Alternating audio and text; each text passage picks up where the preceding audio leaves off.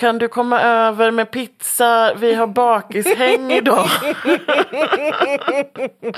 Höjden av ansvarslöshet. ja men lite så. Det var ju mycket leva för dagen, mm. det var mycket liksom göra det som känns kul just mm. nu och som vi vill just nu och orkar just nu. Så. Kanske motsatsen till de här sakerna som vi lever i nu. Ja. Mm.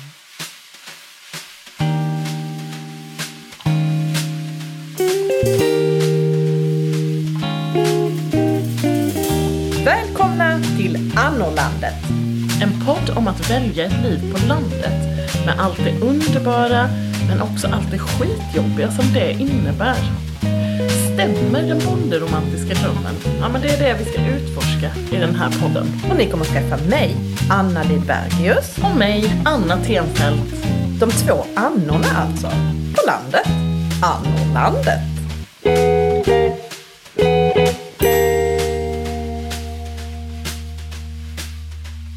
Hallå Anna! Hej Anna! du, idag Anna så behöver vi prata lite grann om det faktum att du nu är 40. Ja, jag tänker vad härligt det är att vara 40 ändå. ja men du har ändå längtat.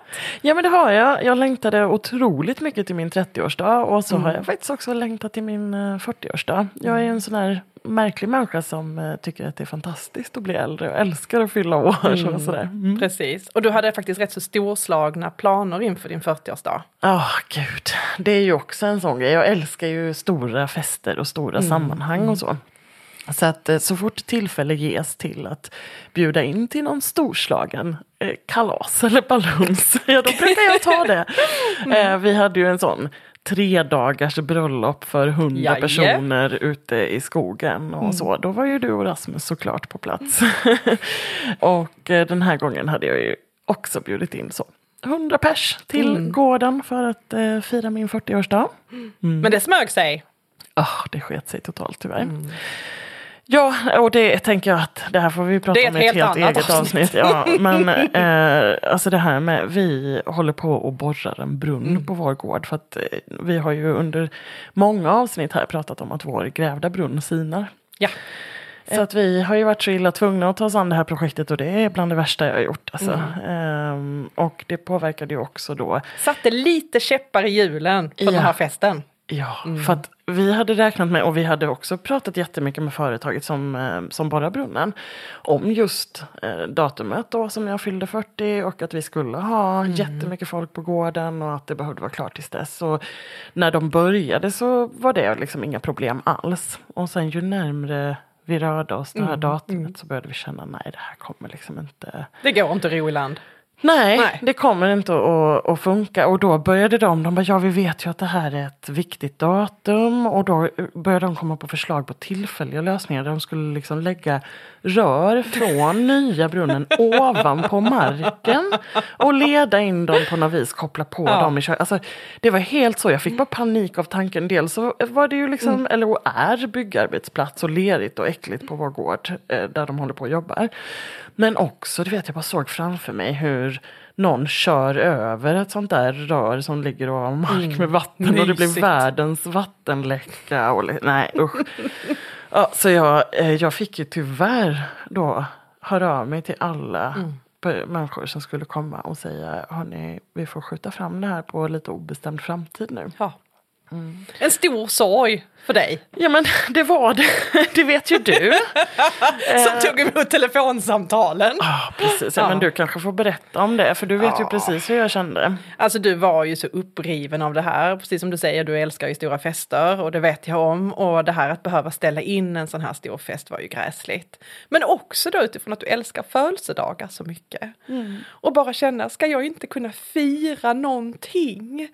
Eh, och du började liksom i ditt stilla hopp hoppas på att det skulle i alla fall hända någon liten överraskningsfest och allt du hade för tankar och du pratade med din man och han var väl inte alls lika peppig som du var och föreslog någon middag här, ni skulle ut på tu man hand och det är ju jättetrevligt. Men du var inte helt nöjd så du ringde ju liksom och beklagade dig på diverse olika håll över den här planen och visste inte om att vi andra nära och kära satt och klurade på en överraskningsfest i smyg. Nej, och ni var ju så himla duktiga på att ljuga. Alltså jag är helt i chock över hur bra ni var på att ljuga. Både du, framförallt du och min mamma, ni Ja. ljög mig rakt upp Ja, i ansiktet på något Utan att blinka.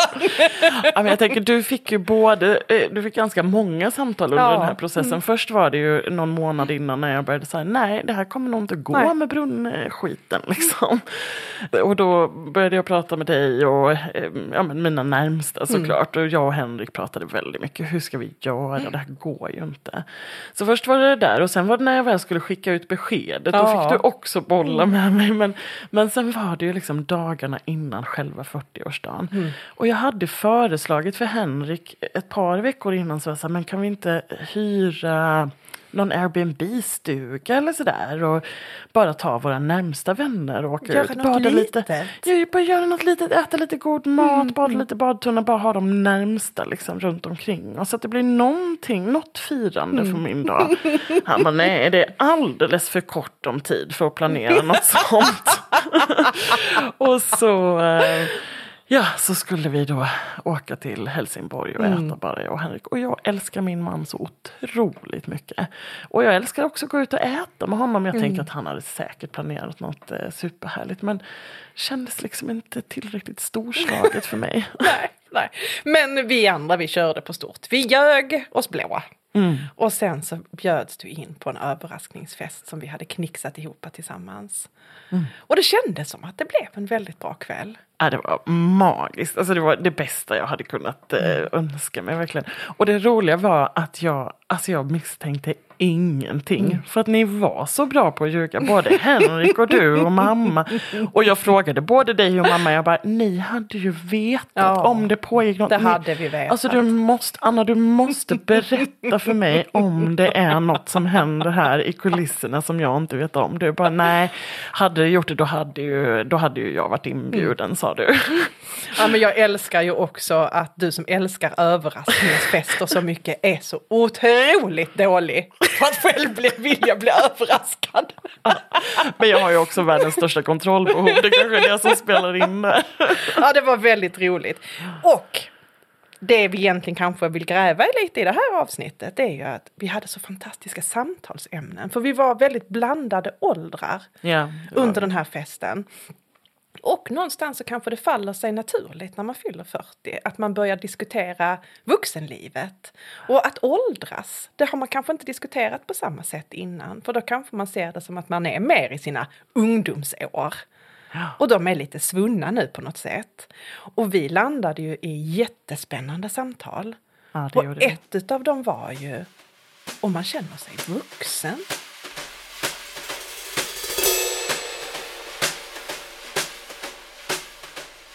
Jag frågar dig, känner du dig vuxen Anna?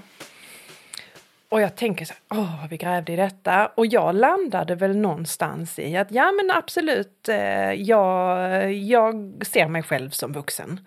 För att jag tänker att vara vuxen är ett handlande och agerande. Eh, där man kanske har ansvar för saker och ting, oavsett liksom nivå. Och man gör det även om man inte alltid vill. Och det i sig är att agera vuxet. Men det har ju egentligen inte med själva känslan att göra. Nej, Alltså- och det är väl det. För jag menar, vi lever ju i allra högsta grad ett väldigt vuxet Är det inte liv. otroligt vuxet att ha en gård? Ja men både det både, alltså, och, och att ha djur ärligt talat. Vi pratar ju hela tiden om vilket ansvar det är och att den måste prioritera det över sig Ja. Men sen är det ju också barnen kanske den får tycka att vi har ändå Relativt. lyckats eh, hålla dem vid liv här i 16 och 17 år. Så att, eh, det, jag tänker att vi lever väl ett väldigt vuxet liv. Vi är gifta, vi har barn, vi har massor av ansvar. Vi har Vi har lån. Ja, vi har lån Vi och vi har arbeten räntor. som gör att vi behöver agera Mm. väldigt strukturerat och, och ansvarsfullt och sådär. Eh, så det är klart att vi är vuxna. Mm. Eh, men sen är frågan då känslan av att vara vuxen. Mm. Och jag visade ju dig en bild här innan som jag tycker är så rolig. Eh, där det står någonting om att så, ja, men, åh, jag känner mig som, eh, jag är 40 men känner mig som en 30-åring. Tills jag hänger med 30-åringar, då tänker jag, Nej just det, jag var 40. och det är helt sant. För jag tänker många gånger att det är kanske just den bilden man har att ja, men jag känner mig fortfarande ungefär på samma sätt som när jag var 25. Ja. Jag är väl ungefär samma människa. Och sen går man och hänger på någon krog någonstans där alla de andra är 25 någonting. Åh gud. Och då inser det är ju inte alls, det är inte alls mitt folk längre. Nej, och prioriteringarna i livet. Herre Jesus vilken skillnad alltså. Och tänker jag då på mig själv som 25, äh, jag hade ju inte varit redo för det här livet. Alltså just det här med, med hem och med gård, med barn, med allting som ska fixas även när man inte vill.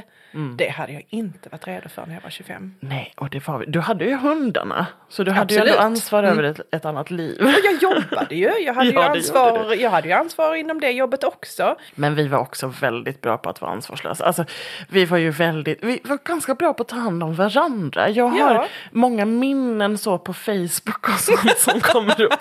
Då är det mycket så eh, konversationer som vi har.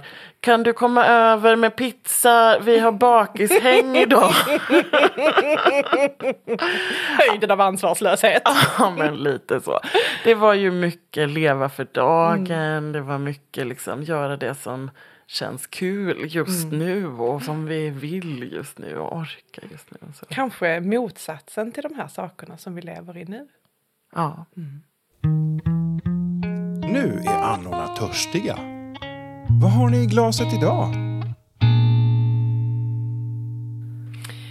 Du Anna, vad är det för någonting du har hällt upp till oss idag? ja, men det här har ju både du och jag druckit innan och inte för så jättelänge sedan. För det här är ju en av mina absoluta favoriter. Och det visste ju ni som överraskade mig på min 40-årsdag. Så att självklart så hade ni valt, ni hade ju valt genomgående alla mina favoritdruvor och så. Där jobbade ju din syster stenhårt tillsammans med din mamma. Ja, nej men eh, och de vet ju precis. Så det var gewürztraminer som är min absoluta favoritdruva. Och sen till desserten, då drack vi ju Brachetto d'Aqui. Och det är det vi har i glasen idag. Och om vi då jämför eh, kvinnligt åldrande med eh, att, att vi är som ett gott vin.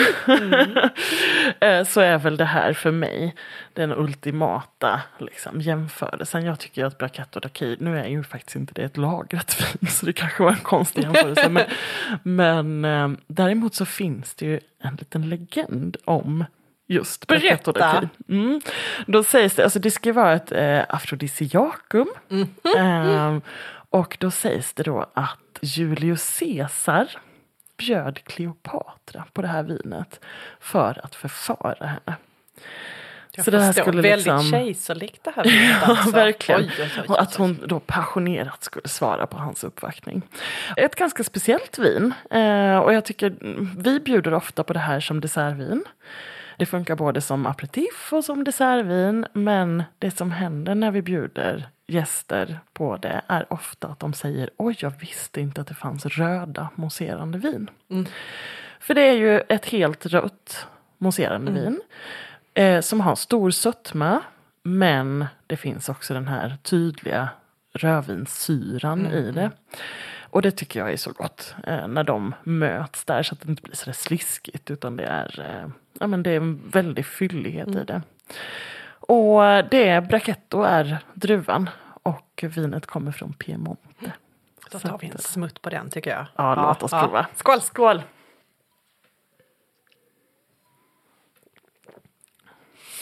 Mm, det här är gott. Det här är, Alltså, det är det vin, vinsaft med bubblor. Ja. Mm, ja, men det är det. Eh, det här är ju absolut någonting som jag också hade druckit som till dessert. Ja. Eh, den här och några goda ostar liksom, sen är du hemma. Sjukt gott. Underbart. Jag tycker egentligen att det är lite spännande att det inte det dricks mer mousserande röda viner i Sverige. Det är en jättevanlig så här, måltidsdryck i Italien. Att liksom, det finns otroligt mycket mousserande viner. Väldigt mycket unga viner som just görs frizzante. Eh, och i många fall också, ska du dricka ett glas vin till lunchen och vill ha rödvin så är det ju otroligt vanligt att du blandar i lite mineralvatten. Både för att få det svagare men, är också för att få det bubbligt. Det är väl inte samma sak att blanda rött vin med mineralvatten som men att det dricka en god... eh, Nej, nu vill jag inte jämföra det med d'Aqui. Brachetto, men om man tänker att det finns ju väldigt många väldigt ungdomliga viner som görs väldigt fritsamt i Italien. Och de är rätt så likt som rödvin blandat med mineralvatten. Ja, jag gillar ändå konceptet. Jag gillar bubblet. Vi gillar ju också att det blir lite svagare. Det har vi varit inne på många gånger. Och den här har faktiskt bara en alkoholhalt på 5,5 procent. Ja, du ser, blandat Så- med mineralvatten. Ja. Skål, Skål. för det och för favoriten Brachetto d'Acqui som ni ju hittar på systemet. Och eh, det finns också i halvflaska. det tycker jag är trevligt. Perfekt. Perfekt. Ja, Skål på det.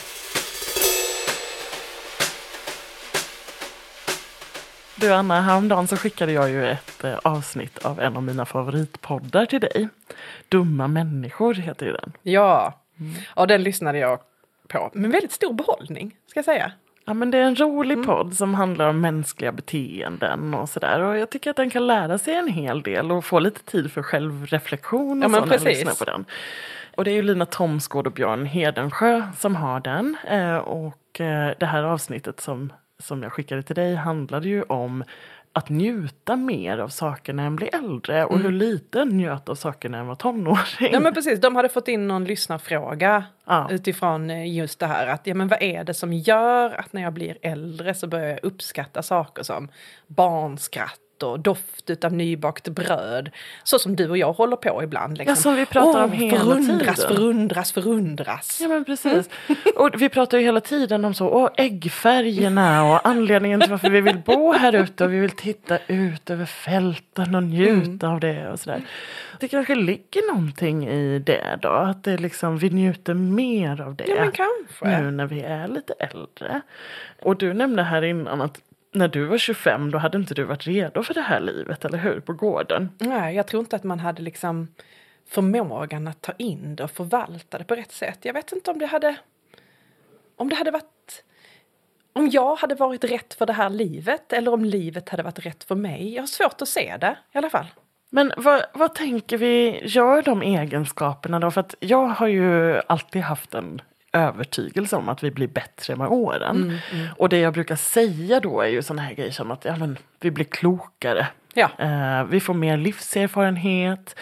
Vi eh, reflekterar mer. Vi blir också bättre människor för att vi liksom landar lite mer i oss själva, tryggare i det. Ja men eller hur? Och kan liksom ha en större empati då för andra eh, genom att den är kanske lite mer sansad och lite mer välgrundad och så. Ja men också som du och jag säger flera gånger att man faktiskt sållar bort en hel del skit. Alltså sånt som man inte vill ha i sitt liv som man kanske upptäcker längs, längs med färden att det här är inte så jäkla viktigt. Alltså så mycket tid som jag kunde lägga ner på hur man skulle se ut innan man gick ut. Och nu så bara så här, skitsamma, på med ett par tofflor och ett par raggsockar, det är inte så noga. Alltså du vet, det är liksom borta hela det perspektivet. Ja, men är det helt borta? Därför vi pratade ju lite om också det här med att åldras, alltså kvinnligt åldrande. Och att den kanske ändå ja, men alltid måste förhålla sig lite grann till det här med utseende. Och jag hade ju en bekant som la ut en, en en, liten bild på Instagram häromdagen. Mm. Där hon nämnde just det här med att så, ah, men det, det är tufft att bli äldre. Jag känner inte riktigt igen mig själv. Det är det här med rynkorna, det är det här med gråa håret. Så. och jag tycker att rynkor och grått hår är bland det vackraste som finns. Men frågan är om det är något jag har intalat mig själv. Alltså något som jag har så här, ja men jag ska tycka att rynkor och grått hår är vackert. Ja, men Ehm, jag tänker att det är nog det är nog någonting man måste göra för att kunna må bra. Men jag tror att man jobbar i rätt mycket mycket motvind alltså. Kvinnor överlag jobbar nog liksom i det här att man är väldigt tydligt matad sen barnsben att ens utseende faktiskt är rätt så viktigt. Eh, allting ifrån kläder till hår, man ska föra sig på ett visst sätt. Och den, eh, den blir ju både som en egen fåfänga på ett sätt, men också som någonting som man faktiskt man blir van vid att få uppskattning kring. Ja, verkligen. Och den tror jag är svår att förlika sig med när du inte längre får uppskattningen som du förväntar dig. Men kan det vara då enklare att leva i en relation där en får bekräftelse? Och det är ju i och för sig inte alla som får bekräftelse i sina relationer heller. Tänker jag. Men är det den, den yttre bekräftelsen vi behöver? Eller kan vi få den i våra nära relationer också? Och det, alltså jag tänker att den får man ju alltid i sina nära relationer ändå. Men hade det räckt så är det ju inga flickor som hade vuxit upp och tyckt illa om sitt yttre. För alla runt omkring en, ens mammor och pappor säger du är så fin, du är så fin, du är så fin. Förhoppningsvis, förhoppningsvis. Ja, förhoppningsvis. Men jag tänker att hade det varit så enkelt att det kom med en enkel yttre bekräftelse och så var det klart. Eh, Då hade det varit väldigt, väldigt enkelt. Men jag tror att man faktiskt tittar på sig själv med rätt så elaka ögon emellanåt. Och det tror jag gör att man faktiskt får syn på sig själv, sitt ansikte och känner inte igen sig. Och finns det delar då som man har uppskattat mycket så försvinner de. Det kan vara svårt att förlika sig med. Alltså det är ju verkligen inte bara fördelar med att bli äldre utan det finns ju stora nackdelar. Och jag tänker att både du och jag som nu båda då är över 40. um, alltså känner jag av det här med krämpor och hur den skadar sig lättare än vad den gjorde förr och hur mycket längre tid återhämtningen tar när den skadar sig. Det är lite gubbsuckar när den reser sig ur soffan eller Absolut. fåtöljen och det är lite sämre kondition och ja, men det, det är liksom ändå fysiskt eh, förfall Ja, på sätt och vis. Fysiken jobbar emot den helt enkelt. Ja. Jag upplever ju framförallt ögonen är ju mitt stora bekymmer. Jag tycker att det är stökigt att ögonen börjar ge upp. Ser du sämre? Ja men absolut, det här, jag stickar ju ändå rätt mycket. Eh, och att behöva ta av sig glasögonen när man tappar en maska för att man inte ser. Luskamma sina barn. Åh gud vad glad jag är att jag är förbi luskamningsåldern. Där ser du, det är någonting som är härligt också med åldern. Att rätt vad det är så kommer man förbi den här perioden när man var luskammar sina barn. Men där är jag mitt i det. Men du, vi backar tillbaka bandet lite Anna. Och det här med att bli bättre med åldern. För vad ser vi mer? Vad ser vi mer som är bättre? För jag tänker det här avsnittet som vi pratade om, poddavsnittet. Det lyfter liksom det här att man kanske faktiskt ser fler vackra saker och att man förhåller sig annorlunda. Men vad ser du och jag mer? Ja, men vi pratade ju om, efter det här eh, avsnittet av Dumma människor, så pratade vi ju lite om det här med prefrontala cortexen. Eh, som ju är en del av vår hjärna. Jag tänker att jag kan läsa upp en liten bit om Ja. vad det är den egentligen gör i vår hjärna. För grejen är att den är ju då inte färdigutvecklad förrän den är i alla fall 25. Och så står det så här. Prefrontala cortex hör ihop med förmågor som att avstå från att följa stimuli samt komplexa kognitiva processer som att planera rörelser och handlingar. Impulskontroll rakt av. Precis, impulskontroll. I detta område finns förmågan att fatta beslut och att anpassa sig till sociala sammanhang. I prefrontala cortex bearbetas information utifrån individens erfarenheter och långsiktiga mål. Även empati hör till detta område. Och då tänker jag att det här makes sense. Liksom. Ja. Alltså det, här, det här känner jag verkligen igen mig i. Att allt det här blir bättre. Eh, att liksom inte ta de där onödiga riskerna som man gjorde förr. Var bättre på riskbedömningar. Bättre impulskontroll. Stanna upp och njuta och välja bättre. Liksom. Lära Och sig inte- prioritera. Inte bli så där jäkla du vet, reaktiv. Det har ju du och jag pratat pratade vi om när vi pratade prepping. Ja. Att inte bli så jäkla reaktiv i sitt, i sitt emotionella liv. Utan att faktiskt kunna koppla det till tidigare erfarenheter. Ha en del färdiga lösningar som man har provat förr. För att hantera saker och ting på. Och så har man en egen liten verktygslåda. Visst. Något som är väldigt viktigt för ens tillfredsställelse och lycka och välmående är ju relationerna som man har runt omkring sig. Både privat och alltså familjerelationer men också arbetsrelationer och sådär. Och jag upplever väl att den blir bättre på relationer med åldern. Är det någonting som du känner? Det skulle jag nog också vilja säga. Framförallt kanske för att man har sållat bort relationer som inte ger en någonting. Ja. Så att de relationerna man har i sitt liv är valda och man har också fler sätt att hantera dem och att förstå andra människor. För någonting som man hade tidigare det var kanske en mer egocentrerad bild utav världen vilket betydde att man tolkade alla andra människor bara genom sitt eget känsloregister. Och nu har man en också en förståelse för att nej, alla kommer inte att tolka saker och ting på samma sätt som jag. För de har inte exakt samma erfarenheter som jag. Nej, och preferenser. Nej. Nej. Nej, det håller jag verkligen med om. Och det tycker jag gör ju faktiskt att man kommer djupare och närmare varandra. Och de relationerna blir bättre när andra människor också har de perspektiven. Också blivit klokare med åldern.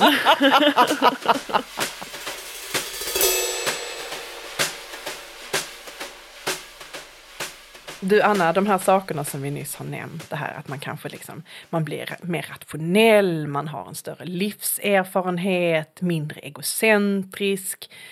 Det är ju liksom egenskaper som är nästan, det är nästan omöjligt att leva så som vi gör ute på landet utifrån hur vi har pratat tidigare, utan de här egenskaperna. Vad Ja. tänker du? Ja men att det är ju egenskaper som är rent nödvändiga i ett kollektiv. Men där tänker jag också att kollektivet som vi då varit inne på krävs eh, på landet. Och då pratar inte jag ett kollektiv som i att den bor i samma hus på varandra. Utan det kollektiva samhället där Ja, vi måste ja. hjälpas åt och stötta varandra med olika funktioner och så. Alla de här egenskaperna krävs ju för att fungera bra i ett kollektiv. Och sen tänker jag att då har vi ju till exempel tonåringar och barn som inte eh, har alla de här egenskaperna utvecklade än. Och då måste ju kollektivet vara lite tålmodiga och eh, liksom anpassa sig Ja. utifrån att fånga upp dem. Men sen tror jag att den kräver när den kommer upp i ålder att det där ska ha gått över. Mm, Så tänker nog jag också. Är det därför unga vill flytta från landsbygden? Kanske. Det är ju absolut lättare att vara ansvarslös i stan. Gud ja. Det har vi ju nämnt tidigare. Att det krävs ju inte alls samma förberedelser eller... ehm, där, finns, där finns allt på ett helt annat sätt än vad det gör hos oss. Ja, och bara det här med att hjälpa till hemma. Mm. Alltså när vi bodde i lägenhet i stan, då betydde det för våra barn lära sig städa ett badrum eller följa med ner till Mm. tvättstugan och lägga i en tvätt. Nu innebär det ju helt andra grejer. Mm.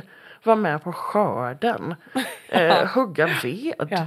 Vi har ju med våra barn på slakten för att vi tycker att det är jätteviktigt att de lär sig de var kött kommer det. ifrån. Ja, om de ska Ja. Mm. äta kött så tycker jag det är viktigt att de är en del av att ta fram det köttet Mm. som vi äter.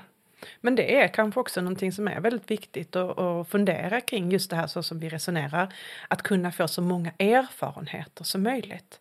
Att de är så jäkla viktiga framöver för hur du kan handskas med saker och ting som uppstår. För du har en, du har en större bank. Ja.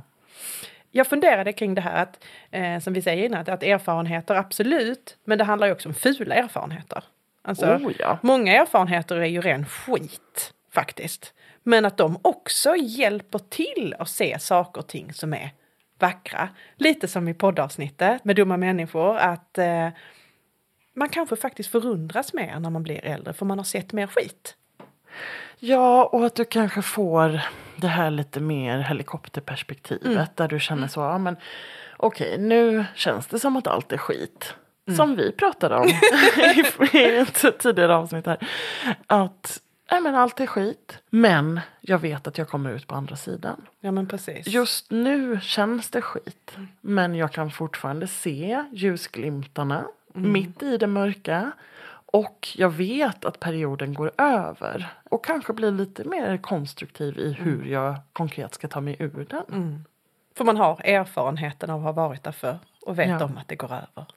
Ja, för första gången du faller ner i djupet, ja men då känns det ju som att du kommer stanna där för evigt. Men den 27 gången du gör det, då vet du att det inte kommer vara för evigt. Nej, och det gör en kanske också lite mer ödmjuk för de stunderna när man verkligen är på toppen. För de varar inte heller för Nej. alltid. Vilket gör att jag tror att man uppskattar dem mer. Smart. Ja, jag hoppas det.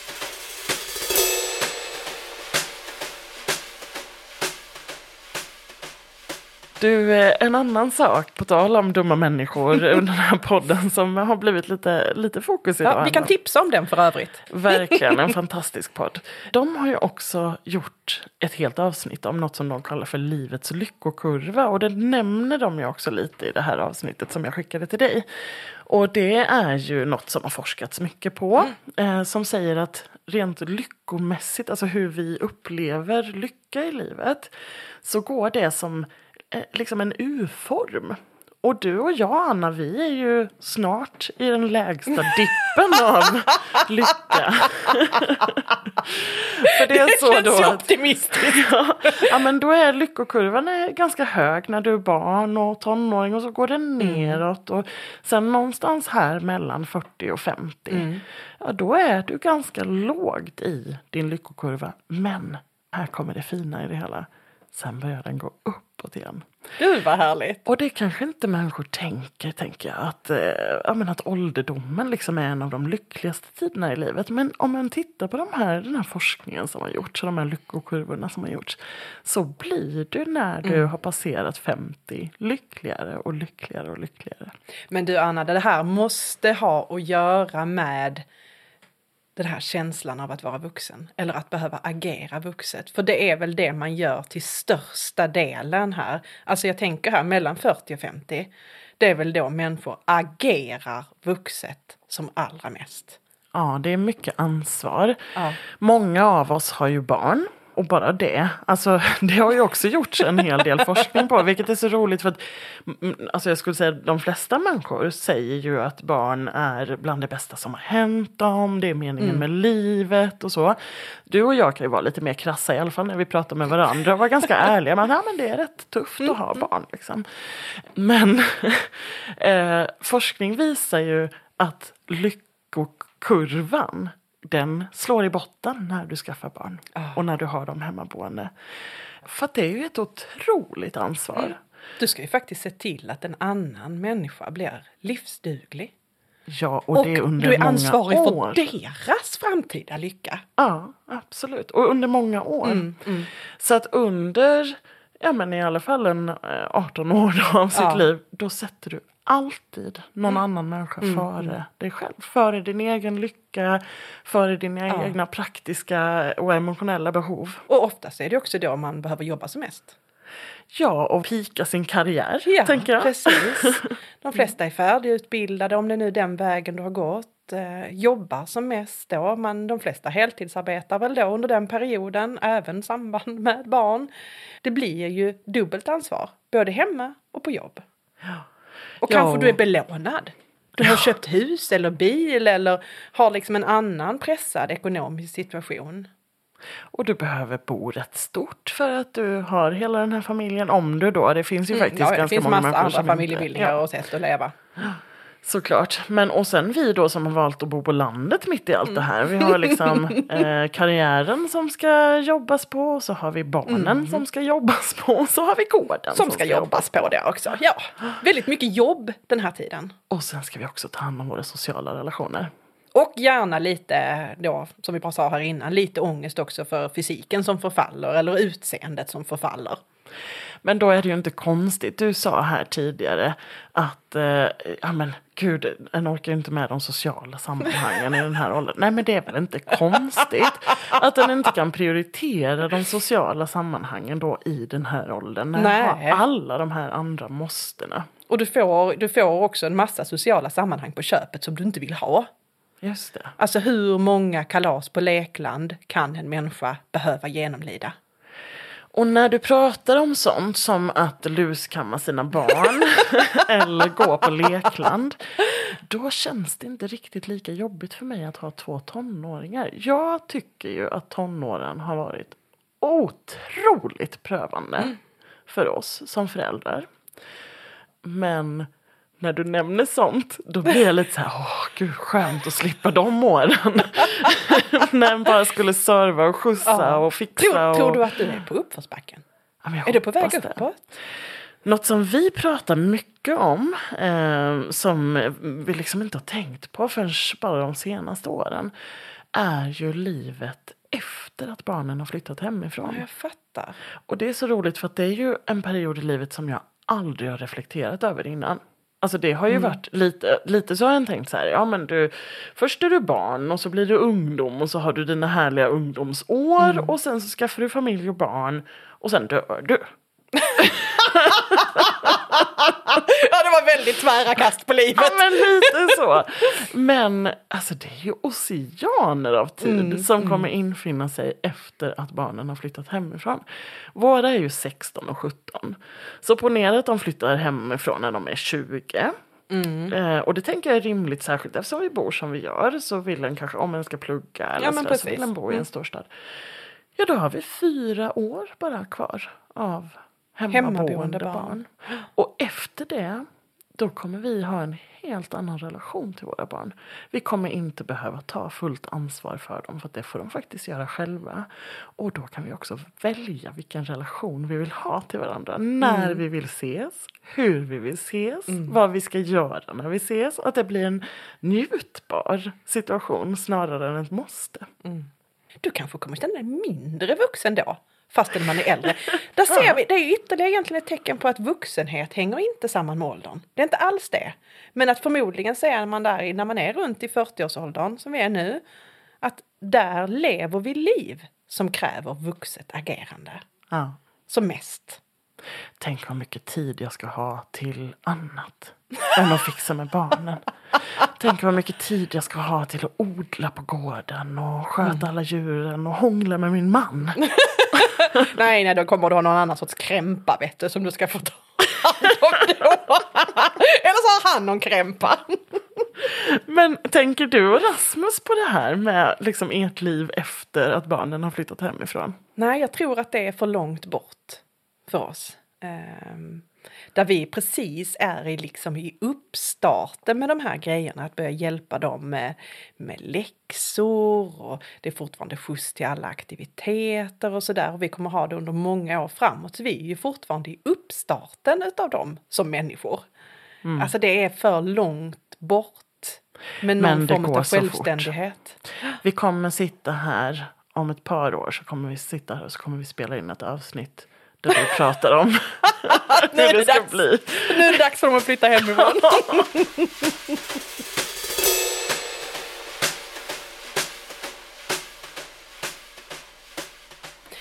Du Anna, vi var ju inne lite kort på det här innan, just det här stereotypa kvinnoresan som händer med åldrandet. Att där är nog många som brottas med sitt yttre förfall. Om man nu ska säga det, förfall. Det är egentligen jättefel ord. Det inte förfaller. Vi utvecklas, det händer någonting annat. Ja, det blir en ny era. En ny era. Jag tänker att det är väl jättemånga. Jämför man det med en, en majs som mognar. Vi säger väl inte att den förfaller medan den mognar? Nej men när den ruttnar kanske vi säger. Nej, nej, nej. Du och jag, vi är på väg att mogna. ja. Ja, som guldiga majs. Men det som jag tänker på, det är ju att det faktiskt känns rätt så motsägelsefullt. Att man brukar säga att ja, men kvinnor är som vin. Att vi åldras som ett bra vin och bara blir bättre och bättre med åren. ja, det brukar ju folk dra till. Och frågan är hur mycket de menar det, tänker jag. Ja, särskilt när man sen ska sitta och vara uppretad över att man börjar bli gråhårig. Fast det kanske inte det kanske inte utsidan man menar. I den kulturen vi har nu så är det ju väldigt eh, provocerande för folk med ålderdom. Jag tänker bara nu på Madonna-konserterna. Hur, alltså, hur otroligt provocerade människor är av att en kvinna i 60-årsåldern liksom kan turnera och vara sexig och eh, liksom, ja, att det, hon beter sig inte som en 60-årig kvinna förväntas bete sig Nej. helt enkelt. Men om vi bara tittar lite tillbaka i tiden så premierades ju ålderdom på ett annat sätt. Det var ju den gamla visa gumman. Liksom. I många urfolkskulturer så är det ju otroligt viktigt med den äldre generationen och Ja, den, den klokskapen som man har sparat där. Och jag hoppas lite att vi är tillbaka, eller liksom är på tillbakagång till det. Där vi kanske kan ta tillvara lite grann på de olika generationerna och skiftena mer. Att det inte bara är utveckla nytt. Utan Nej. att faktiskt lite grann eh, stanna upp och använda sig av det som, som finns. Den erfarenheten som finns samlad i människor. Ja, och det som var så otroligt fint när ni gjorde den här överraskningsfesten för mig som jag, jag börjar ju gråta bara vi pratar om det nu. Men det var ju just det här som du nämnde, vi, att vi var flera olika generationer. Den yngsta av oss var 16. Men den äldsta jag var över 70. Och det, alltså just det där att ta tillvara på alla generationerna och de höjdpunkterna som finns i de olika åldrarna. Det tycker jag är så fint. Ja, jättehärligt. Men du, åldras som vin. Ja, Vad sjutton menar man då? nej, jag vet inte. Nu tänker jag att vi ska nyttja någon som är proffs på vin.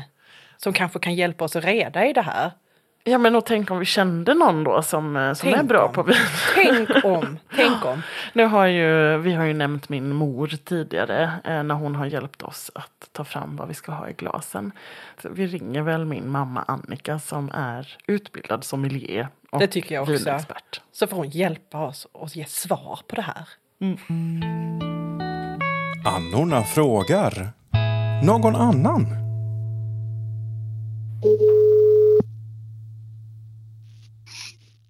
Hej Anna! Ja men hej Annika! Hej Anna! Välkommen till Annorlandet. Ja, tack. Du Annika, idag är det så här att eh, jag och Anna vi diskuterar eh, att bli bättre med åldern. Och vi är lite nyfikna på det här uttrycket som man säger att kvinnor är som vin som blir bättre med åldern. Då tänker vi att utifrån att du är lite expert på vin så vill vi ju prata med dig om det här. Vad är det som gör att vin blir bättre med åldern? Ja, vad är det som gör att vin blir bättre med åldern? Det är ju inte allt vin som blir det. Nej, inte alla kvinnor heller kanske. Nej, faktiskt. faktiskt inte. Men eh, kvinnor görs kanske inte på samma sätt utan det, det, det finns ju vin, vin som görs för att drickas unga. Kvinnor görs väl inte för att bara vara unga, även om det är det som är modet i världen. Ja, vi har pratat lite grann om just det. Att det är, eh, ja, att det är speciellt med kvinnligt åldrande.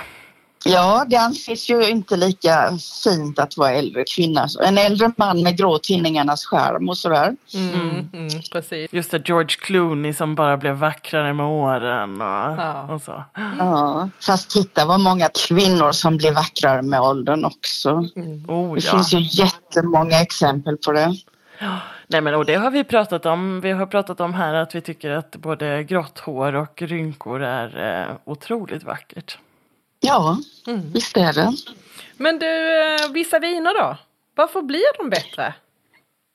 Alltså de viner som görs för att kunna åldras de har ju betydligt högre grundkvalitet. Man använder bättre druvor, man använder helt andra processer, man, ofta eklagring och ja, vad är det som gör att de blir bättre? De är helt enkelt gjorda med extrem hygien i vingården och vinifiering på ett sätt som gör att de mår bra av att åldras. De ska ha mycket frukt, syra och de ska ha tanniner om det är röda viner. Ja, det är många komponenter som gör att vin kan hålla och blir bättre. Men det är långt ifrån alla viner som blir det.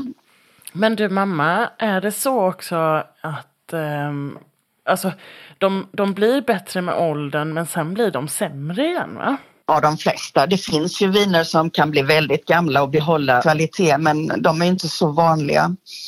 De flesta viner har ett bäst före-datum som man inte vet riktigt och jag har ju råkat ut för att jag haft viner som jag har låtit ligga för länge. Mm. Och då blir man ju lite ledsen när man känner att nej, det här vinet det var, hade jag nog behövt dricka för ett par år sedan. För då hade det varit toppen men nu, nu är det bara trött och ledset. Ja, jag tycker så här Annika att jag känner att det är rätt många liknande paralleller med ett kvinnoliv. Alltså det här, det, här, det här du beskriver så här, bra hygien under tiden. Alltså att, att, att, så här, att ta hand om sig själv och du vet, äta rätt, må bra, liksom ändå ha rätt så goda förutsättningar där. Bra processer och lagring. Ja men du vet saker och ting, erfarenheterna man möter tänker jag mig. Och du pratar bättre druvor, ja men bättre förutsättningar i sitt liv. Alltså det är väl Ja. klart att som kvinna har man möjlighet att må bättre när man, när man växer på det sättet, tänker jag. Eller? Ja. Absolut, absolut. Jo men det, jag tror också att ha en grundpositiv inställning till livet gör att man både mår bättre och tar bättre hand om sig själv. Mm. Och sen så lite syra ändå vet du emellanåt så att man inte bara blir en sådär tråkig och obalanserad en. Så jag tyckte jag kände igen rätt så mycket ändå. Och jag menar så här, vi vet väl allihopa om när man ska välja ett gott vin att förpackningen, den är inte så viktig. Nej, det är den ju inte. Det är ju sällan de eh, snyggaste vinflaskorna som ger det godaste vinet, eller hur? Nej, det säger ju ingenting. Nej. Eh, sny- snygga etiketter är ju inte alltid de bästa vinerna. Nej. Nej. Så är det. Och, men jag tänker också, alltså, om du tittar på ungdomar nu som måste manipulera sitt utseende och etiketter då, eller man kan ju manipulera viner en del. Men de blir ju, de blir ju inte bra och de håller ju inte. Det, jag tror att det är lite samma med människor om man manipulerar sin kropp för mycket så håller man inte så länge. Så är det kanske. Du mamma, du har ju fyllt 70 Ja, för några år sedan. det har jag. Ja, Och du har gått i pension. ja. Har ditt liv förbättrats? Har, alltså hur har din lyckokurva sett ut? När du har åldrats? Alltså jag tycker ju att livet har eh, många olika faser och olika åldrar har olika fördelar. Alltså man, man mår ju bra. Alltså barntiden är ju jättehärlig och sen när barnen blir vuxna och flyttar ut är det också härligt.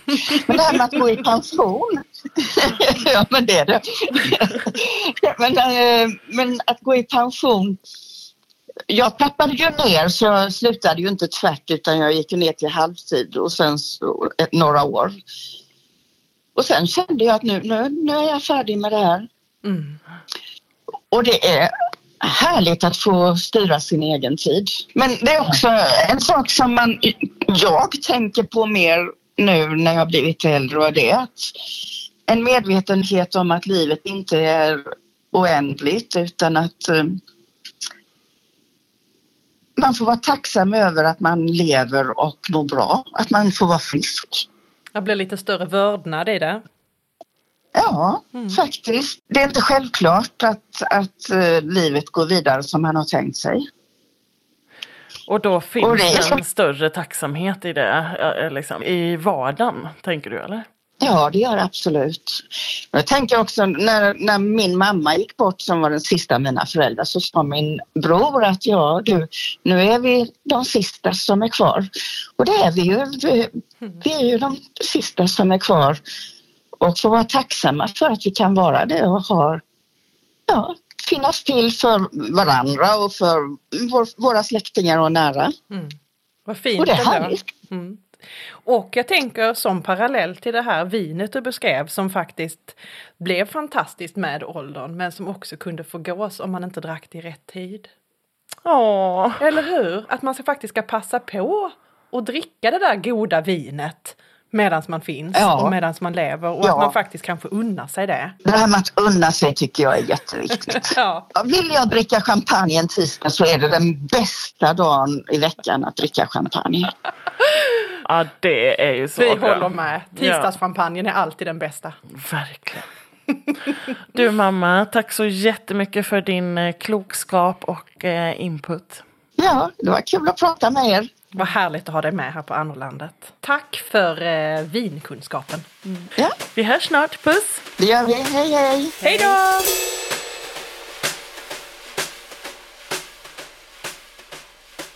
Det var ett så fint samtal med mamma ju. Vad ljuvligt att hon ville vara med. Ja, och jag tänker att de jämförelserna som du och mamma hittade där mellan, mellan vinet och att åldras, eh, så kvinnlig ålderdom. eh, Jag, jag kan nog inte toppa det något mer. Kan du? Nej, nej. Nej, det tror jag verkligen inte. Då jag tror att jag- vi njuter av detta vinet där det är här och nu. Eller hur? Oj, vad vi ska njuta av vinet. Och då tänker jag att eh, det samtalet får avrunda dagens avsnitt. Och eh, så hoppas vi att ni också känner att vi blir bättre med åren. Tusen tack för att ni lyssnar. Hej hej! Du har hört ett avsnitt av Annorlandet med Anna Lidbergius och Anna Tenfelt. Inspelat i Studio Mitt i Spenaten. Musik och ljudbearbetning av Rasmus Lidbergius och producerat av Henrik Smeding och Rasmus Lidbergius. Vill du komma i kontakt med annorna? Skriv till dem på hejatannorlandet.se eller på Instagram. Annorlandet presenteras i samarbete med Amplify Management.